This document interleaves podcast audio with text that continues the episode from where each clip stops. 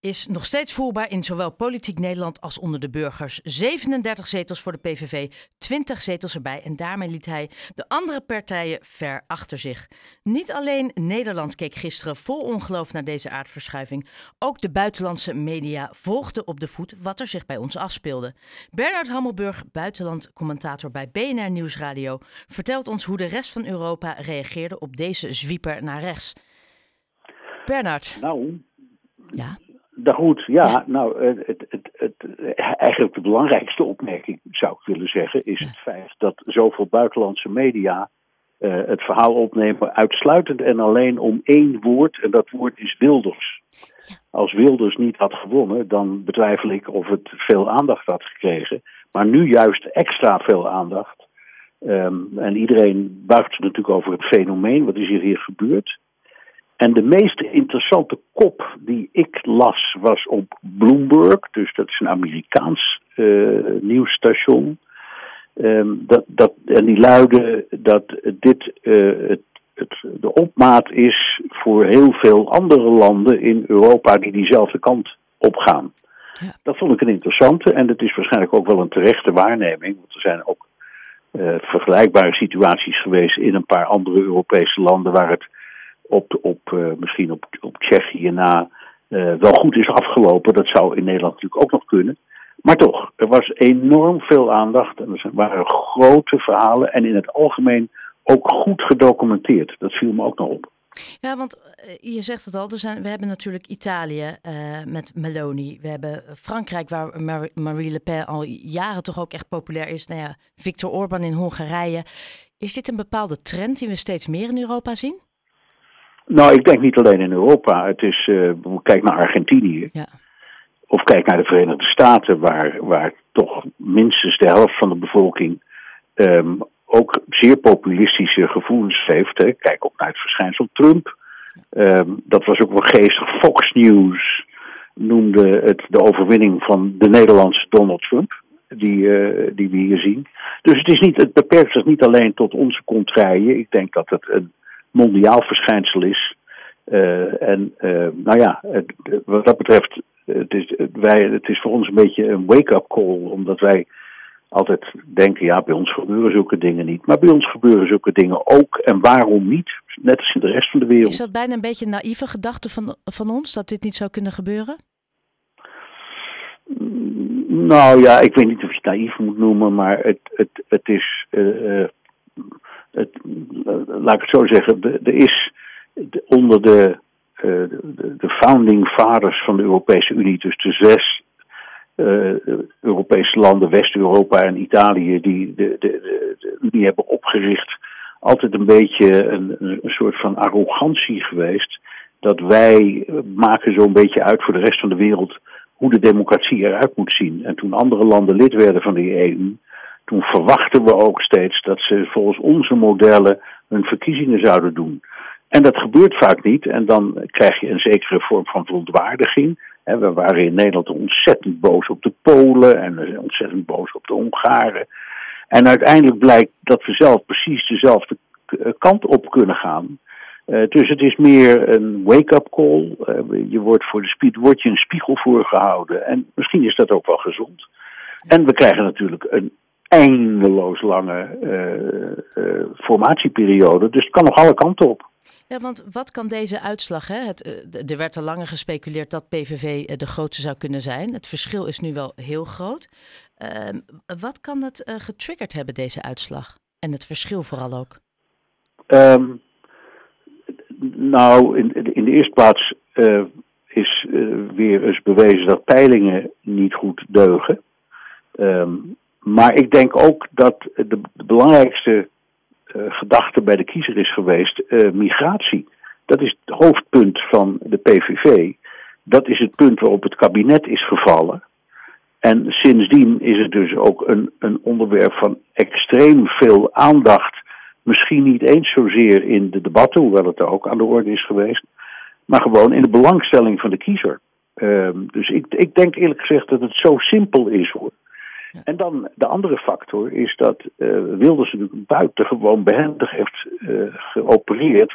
door zich ehm, in eh, de laatste fase voor de verkiezingen plotseling veel aardiger voor te doen dan we van hem gewend waren. Eh, te, te, beginnen met dat interview in Nieuwsuur, maar daarna ook uh, veel meer een beetje de, de redelijkheid te tonen en zelfs in zijn overwinningsspeech ook aan te geven dat het, het zo'n overwinning ook betekent dat je ja, water bij de wijn moet doen en misschien concessies moet sluiten met andere partijen.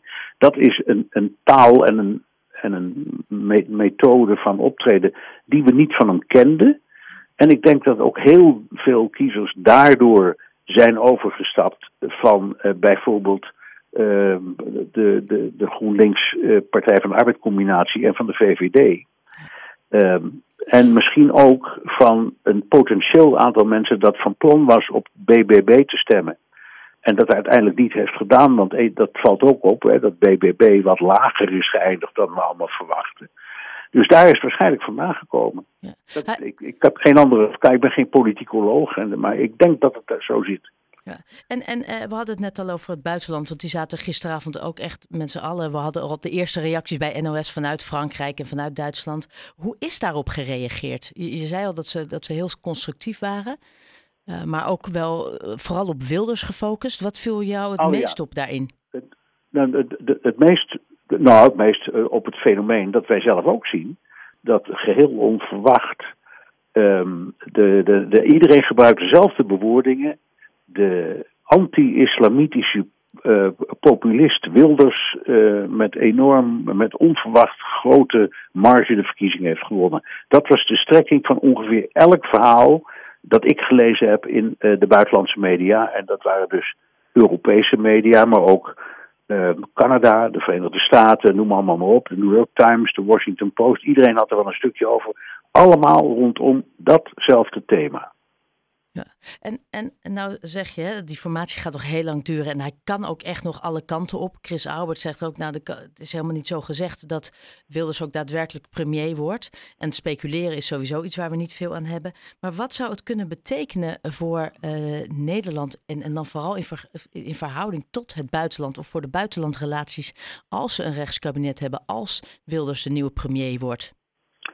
Uh, nou, dat weet ik natuurlijk ook niet precies, want daarvoor zullen we meer uitleg moeten krijgen van wat hij zelf uh, bedoelt met, uh, even mijn woorden, dan water bij de wijn doen. Ja. als hij zijn een enorme weerzin tegen de Europese Unie een beetje opgeeft, als hij afstapt van ideeën zoals um, het beëindigen van deelneming in de euro. Hè, dat zijn allemaal hele radicale ideeën die hij heeft. Um, als hij zich neerlegt bij het idee dat we Oekraïne niet alleen politiek willen steunen, wat hij uh, trouwens uh, ook vindt, maar ook materieel moeten blijven steunen. Als hij op dat punt, eh, ik zal maar zeggen, concessies doet, dan komt hij dicht bij de opvattingen van andere partijen. En ja, ik hoorde al uit de VVD verschillende prominenten die ik zelf sprak zeggen van ja, als dat gebeurt, dan hebben we weinig keus, want de VVD heeft de sleutel in dit geval. Dus het zou kunnen gebeuren. Maar ik speculeer, ik weet het niet. Het lijkt mij een mega puzzel voor de, de, de, de informateur of de verkenner die gaat worden benoemd. Ja.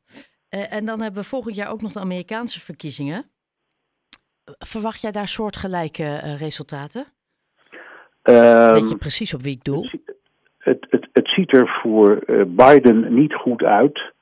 Uh, als je tenminste naar de peilingen kijkt. Maar ja, we hebben nu net gezien dat peilingen er totaal naast kunnen zitten. Maar de, belangrijkste indicator uh, waar we op moeten letten nu is de peilingen in wat heet de swing states. je weet, het grootste deel van Amerika stemt altijd hetzelfde. Dus van de 50 staten weten we in 2 of 43 staten nu al wat de uitslag wordt. Maar het gaat om die zeven overblijvende staten. En in vijf daarvan ligt Trump nu voor op Biden. Dat is een slecht teken voor Biden. Nou is het, dat duurt nog een heel jaar, daar kan nog van alles veranderen. Uh, maar de tendens is er en de trend is er ook.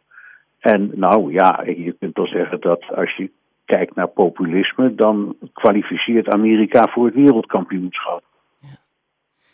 Het worden spannende tijden en dan precies wat je zegt, het gaat nog wel even duren voordat we überhaupt, uh, nou ja, voordat ze. Ik, ik, vraag me ook af hoe lang het gaat duren voordat ze een goede informateur hebben. Maar dat is weer een hele andere kwestie. En voordat ze aan de formatie gaan beginnen en hoe dat afloopt. Uh, Bernard ja. Hammelburg, BNR Buitenland Commentator, heel erg bedankt voor deze toelichting. Graag gedaan.